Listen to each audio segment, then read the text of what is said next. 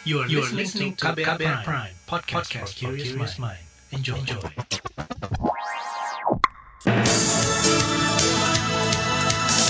Selamat pagi saudara, kembali kami menjumpai Anda di Buletin Pagi edisi Selasa 25 Januari 2022 bersama saya Ardi Rosyadi. Sejumlah informasi pilihan telah kami siapkan. Di antaranya, pemerintah disebut belum tegas tangani lonjakan COVID-19. DPR RI, KPU, dan pemerintah sepakat pemilu serentak dilaksanakan 14 Februari 2024. Mendapat penolakan, polisi klaim gedung sekolah di Yahukimo jadi markas brimob seizin pemerintah daerah. Inilah Buletin Pagi selengkapnya. Terbaru di Buletin Pagi. Saudara kami sampaikan informasi pertama, Koalisi Masyarakat Lapor COVID-19 menilai pemerintah belum tegas menangani lonjakan kasus COVID-19 pasca munculnya varian Omikron. Menurut relawan lapor COVID-19 Amanda Tan, pemerintah menyadari bahaya Omikron tapi tidak dibarengi dengan penegakan aturan yang kuat menghadapi varian dari Afrika Selatan itu. Contohnya, kata dia, kebijakan pembelajaran tatap muka yang terus berjalan meski banyak kasus berasal dari klaster sekolah kebijakannya belum tegas di mana misalnya PTM tidak diberikan tanda-tanda untuk ditutup. Padahal saat ini sekolah udah pada menutup sekolahnya karena anak-anak sudah terkena Omikron dan anak-anak belum sepenuhnya divaksinasi. Dan yang kedua, ada juga kekosongan kebijakan. Misalnya, koordinator PPKM Pak Luhut mengatakan, oke, okay, ini bahaya, ini akan meledak dan lain sebagainya. Lalu apa yang dilakukan oleh pemerintah dalam hal ini? Apakah tiga t ditingkatkan? Apakah vaksinasi digencarkan? Apakah pengetatan sosial diberlakukan gitu? Itu yang masih kita belum rasakan gitu, dalam mengatasi Omikron ini. Yang kami lihat ada himbauan himbauan tidak ada enforcement yang kuat dari peraturan tersebut. Relawan lapor COVID-19 Amanda Tan menambahkan kematian warga akibat varian Omikron seharusnya menjadi alarm pemerintah bahwa varian itu berbahaya. Lapor COVID-19 juga mendorong pemerintah memperketat mobilitas masyarakat. Pasalnya, jika tidak ada mitigasi yang baik, maka lonjakan kasus menjadi beban bagi sistem kesehatan dan meningkatkan kematian. Sebelumnya, Koordinator Pemberlakuan Pembatasan Kegiatan Masyarakat PPKM Jawa Bali Luhut Binsar Panjaitan mengingatkan potensi peningkatan angka kematian akibat COVID-19 varian Omikron di Indonesia. Namun Luhut mengklaim sarana dan prasarana fasilitas kesehatan di Indonesia siap menghadapi lonjakan kasus tersebut banyak unknown yang kita tidak tahu dengan penyakit ini. Jadi kita lihat saja dan kami sekali lagi melibatkan pakar-pakar dengan data-data yang sangat komprehensif untuk membuat keputusan ini. Mengenai bahaya Omikron ini, kita juga tidak boleh anggap enteng. Kita sekali lagi belum tahu juga apakah ini nanti bisa menimbulkan kematian. Bisa menimbulkan kematian banyak kalau rumah sakitnya overwhelmed. Berarti rumah sakitnya penuhan. Itu yang kita jaga. Mesti ada potensi peningkatan angka kematian akibat COVID-19, Luhut Binsar Panjaitan menyatakan pemerintah belum berencana menerapkan kebijakan PPKM darurat atau lockdown. Hingga kemarin terjadi penambahan 2.900-an positif COVID-19, 7 orang meninggal dan 900-an orang sembuh dari infeksi virus corona itu. Menyikapi tingginya penyebaran COVID-19 varian Omikron ini, Menteri Kesehatan Budi Gunadi Sadikin mengklaim telah menyiapkan 150 ribuan tempat tidur di rumah sakit. Selain tempat perawatan, pemerintah juga telah menyiapkan obat-obatan, oksigen, dan tenaga kesehatan. Strategi perawatan rumah sakit kita sudah siap, sekarang 80 ribu bed, sudah terisi sekarang sekitar 5 ribu, jadi masih ada room dari dan itu masih bisa dinaikkan kembali menjadi 150 ribu. Oksigen, obat-obatan, dan tenaga kesehatan juga kami sudah siapkan. Yang mudah-mudahan ini tidak dibutuhkan karena memang kami berharap yang masuk rumah sakit akan jauh lebih rendah. Menteri Kesehatan Budi Gunadi Sadikin menambahkan pemerintah juga menyiapkan strategi surveillance seperti mengoptimalkan tes PCR dengan SGN Target Failure atau SGTF untuk mendeteksi varian Omikron secara lebih cepat dibandingkan dengan penggunaan tes whole genome sequencing. Kemenkes juga meminta Pemda disiplin menjalankan pelacakan sesuai standar WHO yakni satu tes per seribu penduduk per minggu, termasuk percepatan vaksinasi lansia dan anak. Sementara itu, komisi yang membidangi kesehatan DPR RI menilai inkonsistensi pemerintah di kebijakan penanganan pandemi dan bebolnya COVID-19 varian Omikron masuk ke tanah air menyebabkan terjadinya lonjakan kasus virus corona. Menurut anggota komisi yang membidangi kesehatan DPR RI, Neti Prasetyani, pemerintah seharusnya belajar dari lonjakan imbas varian Delta Juli 2021 lalu. Tentang Omikron yang menjadi catatan bagi pemerintah adalah kembali terulang ya kebijakan yang inkonsisten. Seperti misalnya pembatasan pada Nataru dibatalkan, kemudian juga pengetatan masuknya pelaku perjalanan luar negeri dari 14 negara juga dibatalkan. Saya pikir ini menjadi satu catatan yang sangat penting ya buat pemerintah agar tidak bermain-main dan kita nggak tahu yang terburuknya seperti apa dan seharusnya pemerintah memikirkan skema yang paling buruk seperti yang pernah kita alami pada varian Delta beberapa bulan yang lalu. Politikus Partai Keadilan Sejahtera ini menambahkan pemerintah juga seharusnya lebih banyak mendengar masukan dari ahli untuk menentukan arah kebijakan. Selama ini kata dia kebijakan pemerintah dinilai tak berdasar pada sains. Perhimpunan Ahli Epidemiolog Indonesia atau PAI, PAE Pak AEI mengamini pernyataan anggota DPR RI Neti Prasetyani. Menurut Kepala Bidang Pengembangan Profesi Ahli Epidemiolog Indonesia Mas Dalina Pane, banyak upaya dilakukan pemerintah tapi tidak berdampak signifikan pada pengendalian pandemi COVID-19. 3T contohnya. Kalau dalam Omikron seperti sekarang, mestinya sebagian besar testing kita itu adalah PCR ya. Ini 80 persen, 70-80 persen testing diagnostik kita itu adalah RDT antigen. Itu kualitasnya jelek testing kita. Jadi banyak yang dilakukan tapi tidak berkualitas. Untuk apa gitu ya? E, persoalannya adalah kita merasa kita sudah melakukan banyak hal tapi kualitasnya tidak ada. Kepala Bidang Pengembangan Profesi Perhimpunan Ahli Epidemiolog Indonesia Mas Dalina Pane meminta pemerintah meningkatkan kualitas pengetesan agar mendapatkan data utuh khususnya varian Omikron untuk menyesuaikan langkah penanganannya. Mas Dalina juga mengajak masyarakat untuk mandiri dalam disiplin mematuhi protokol kesehatan, misalnya juga menghindari kerumunan saat mengalami gejala mirip COVID-19. Pemerintah tepis pengalihan dana PEN 2022 untuk pembangunan IKN. Informasi selengkapnya hadir sesaat lagi, tetaplah di Buletin Pagi KBR. You're listening to KBR Pride, podcast for curious mind. Enjoy!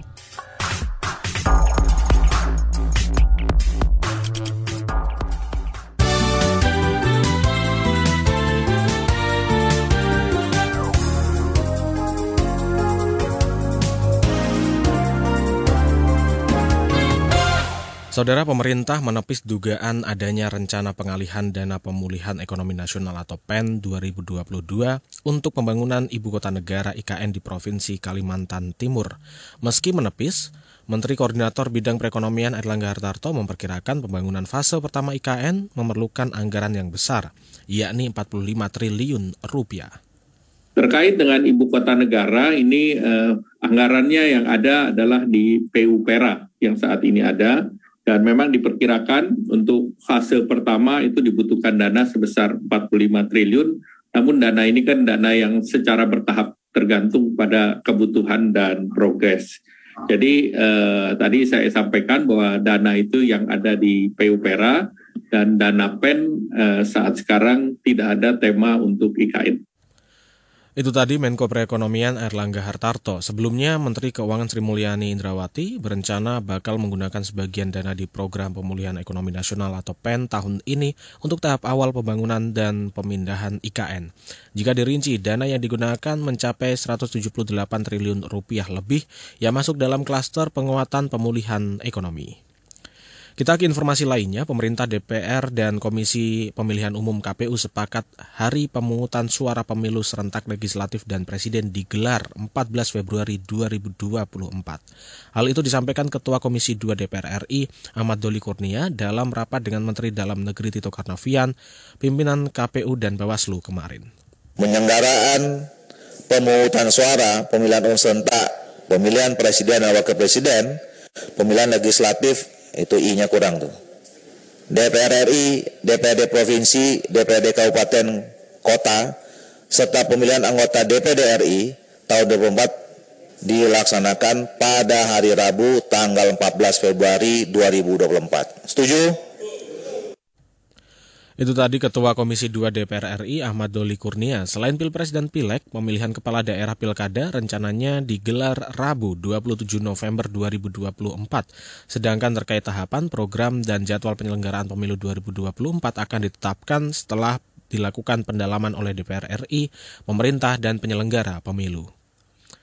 Sementara itu, Komisi Pelindungan Anak Indonesia KPAI mencatat hampir 6.000 pelanggaran hak anak terjadi selama 2021.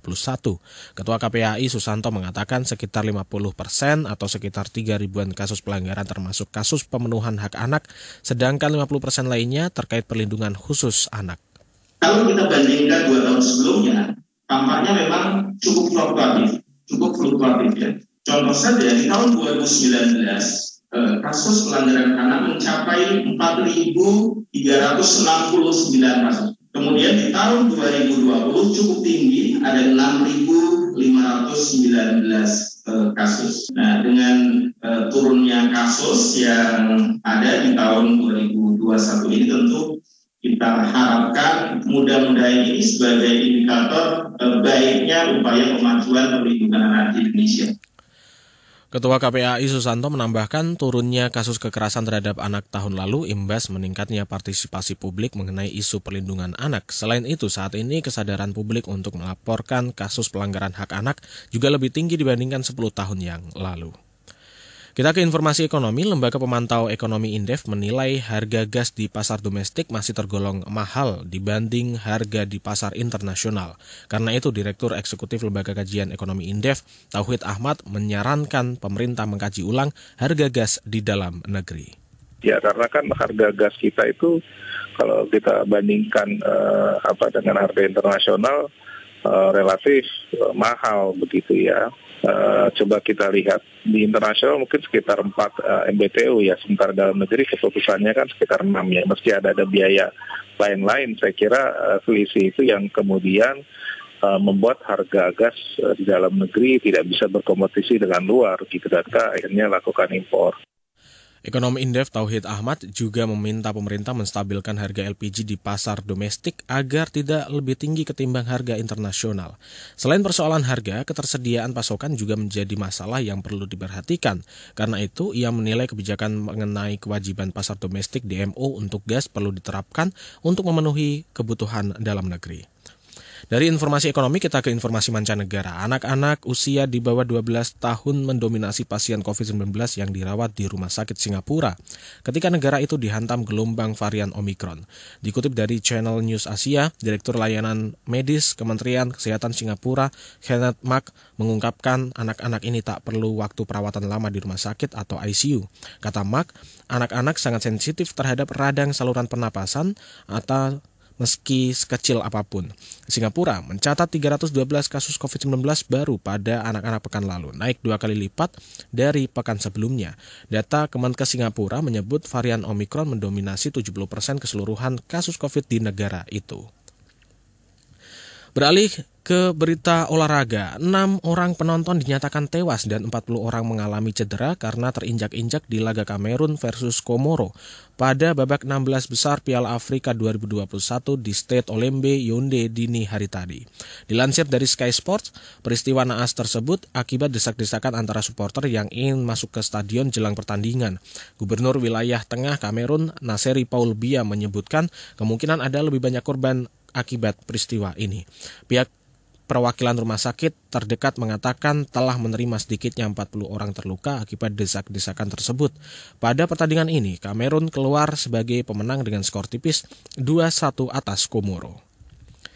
Masih Terkait berita olahraga, tim nasional Indonesia U23 akan tampil di Piala AFF U23 2022 di Kamboja Februari nanti. Indonesia berstatus juara bertahan dan tergabung di grup B bersama Malaysia, Myanmar, dan Laos. Di laga pertamanya yang berlangsung 15 Februari mendatang, Indonesia akan meladeni Laos dan ditantang Myanmar pada 18 Februari, sementara laga terakhir di fase grup Indonesia akan menghadapi rival abadi Malaysia di Stadion Morodok Teko Phnom Penh 21 Februari Februari mendatang. Nantinya, juara dari masing-masing tiga grup akan lolos otomatis ke semifinal Piala AFF U23 2022. Di bagian berikutnya kami akan hadirkan laporan khas KBR yang mengulas tema mewaspadai lonjakan COVID-19 varian Omicron. Nantikan sesaat lagi. You're listening to KBR Pride, podcast for curious mind. Enjoy!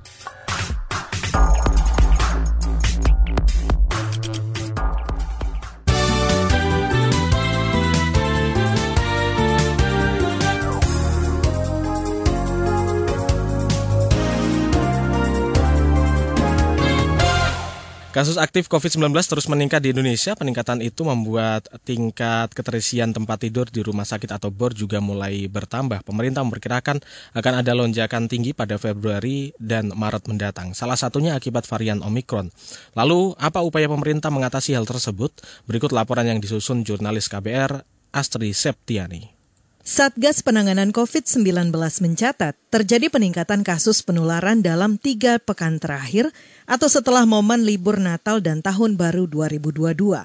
Hal ini disampaikan juru bicara Satgas Penanganan COVID-19, Wiku Adhisa Smito, pada pekan lalu. Kata dia, kenaikan ini terjadi akibat penularan dari luar negeri dan transmisi lokal.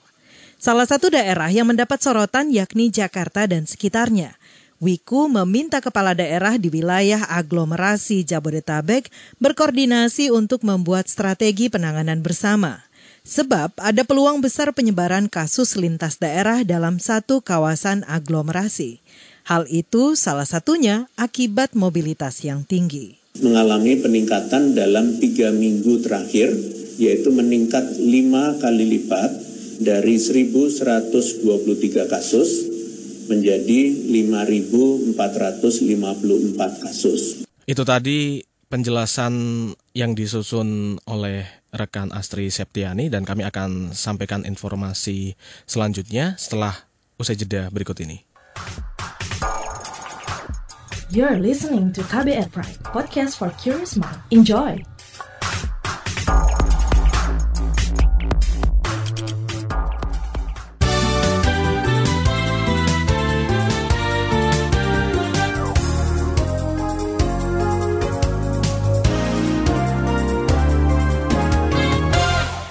Inilah bagian akhir buletin pagi KBR dan informasi pertama kami sampaikan kepolisian daerah Polda Papua mengklaim penggunaan gedung sekolah di Kabupaten Yahukimo sebagai tempat tinggal sementara anggota BRIMOB dari Satgas Damai Kartens telah mendapat izin dari pemerintah daerah setempat. Menurut Kapolda Papua Matius Fakhri, penempatan BRIMOB itu untuk memulihkan kondisi keamanan dan keterlibatan masyarakat pasca penyerangan kelompok warga beberapa waktu lalu.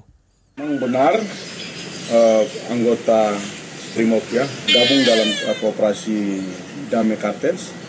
Itu mereka ditempatkan oleh Kapolres oleh Kapolres Yaukimo sementara waktu saya sudah proses langsung kepada Kapolres bahwa sampai dengan hari ini memang belum ada kegiatan tatap muka. Sehingga tentunya Kapolres minta izin untuk menempatkan sementara itu tadi Kapolda Papua Matius D. Fahiri. Sebelumnya ratusan siswa SMA berdemonstrasi di DKI Ibu Kota Kabupaten Yahukimo, Papua 20 Januari lalu. Ratusan siswa itu menolak keberadaan personel BRIMOB di sekolahnya karena mengganggu aktivitas belajar mengajar. Sementara itu Kapolri Listio Sigit Prabowo berencana menambah pasukan di lima kabupaten di Papua yang dianggap rawan gangguan dari KKB lewat operasi Damai Kartens. Listio mengklaim pola operasi yang dilakukan mengedepankan preemptif dan preventif dengan dukungan intelijen dan penegakan hukum. Dari Papua kita menuju ke Provinsi Jawa Timur. Pemerintah Provinsi Jawa Timur mengisolasi dua pekerja migran Indonesia yang terkonfirmasi positif COVID-19 di Rumah Sakit Haji Sukolilo, Surabaya. Gubernur Jawa Timur Khofifa Indar Parawangsa menyebut kedua pekerja migran ini datang ke Jawa Timur melalui Bandar Udara Juanda, Sidoarjo kemarin dari entry test 129 PMI yang datang, dua di antaranya terkonfirmasi positif. Langsung Gubernur Jawa Timur Hovifa Indra Parawansa menambahkan total jumlah pekerja migran asal provinsi itu yang masih di luar negeri mencapai 164 ribu orang. Gelombang kedua kedatangan pekerja migran di Jatim akan berlangsung besok dan Pemprov Jatim akan melakukan tes dan karantina guna mencegah penularan lokal. Sementara itu informasi lainnya harga jual minyak goreng kemasan di pasar tradisional di Kota Bandung, Jawa Barat masih berkisar di angka 19 hingga 20 ribu rupiah per liter. Menurut Kepala Dinas Perdagangan dan Perindustrian Kota Bandung Eli Wasliah, kisaran harga itu masih berlaku sepekan sebagai batas sosialisasi penjualan minyak goreng di harga Rp14.000 per liter. Uh, ada uh, pengecualian ya untuk pasar tradisional itu dalam diberikan waktu satu minggu untuk uh, penyesuaian oleh uh, Dirjen uh, Perdagangan Dalam Negeri Kementerian Perdagangan. Kalau di pasar belum belum 14.000 kalau di pasar ya. 19.000 sampai 20.000 per liter. Kepala Dinas Perdagangan dan Perindustrian Kota Bandung Eli Wasliah menambahkan satu harga minyak goreng di pasar tradisional baru berlaku besok. Sebelumnya harga minyak goreng Rp14.000 per liter baru berlaku di pasar modern atau retail di seluruh Indonesia.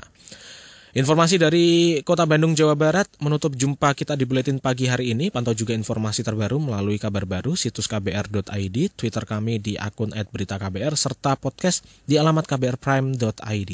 Akhirnya saya Ardi Rusyadi bersama tim yang bertugas undur diri. Salam.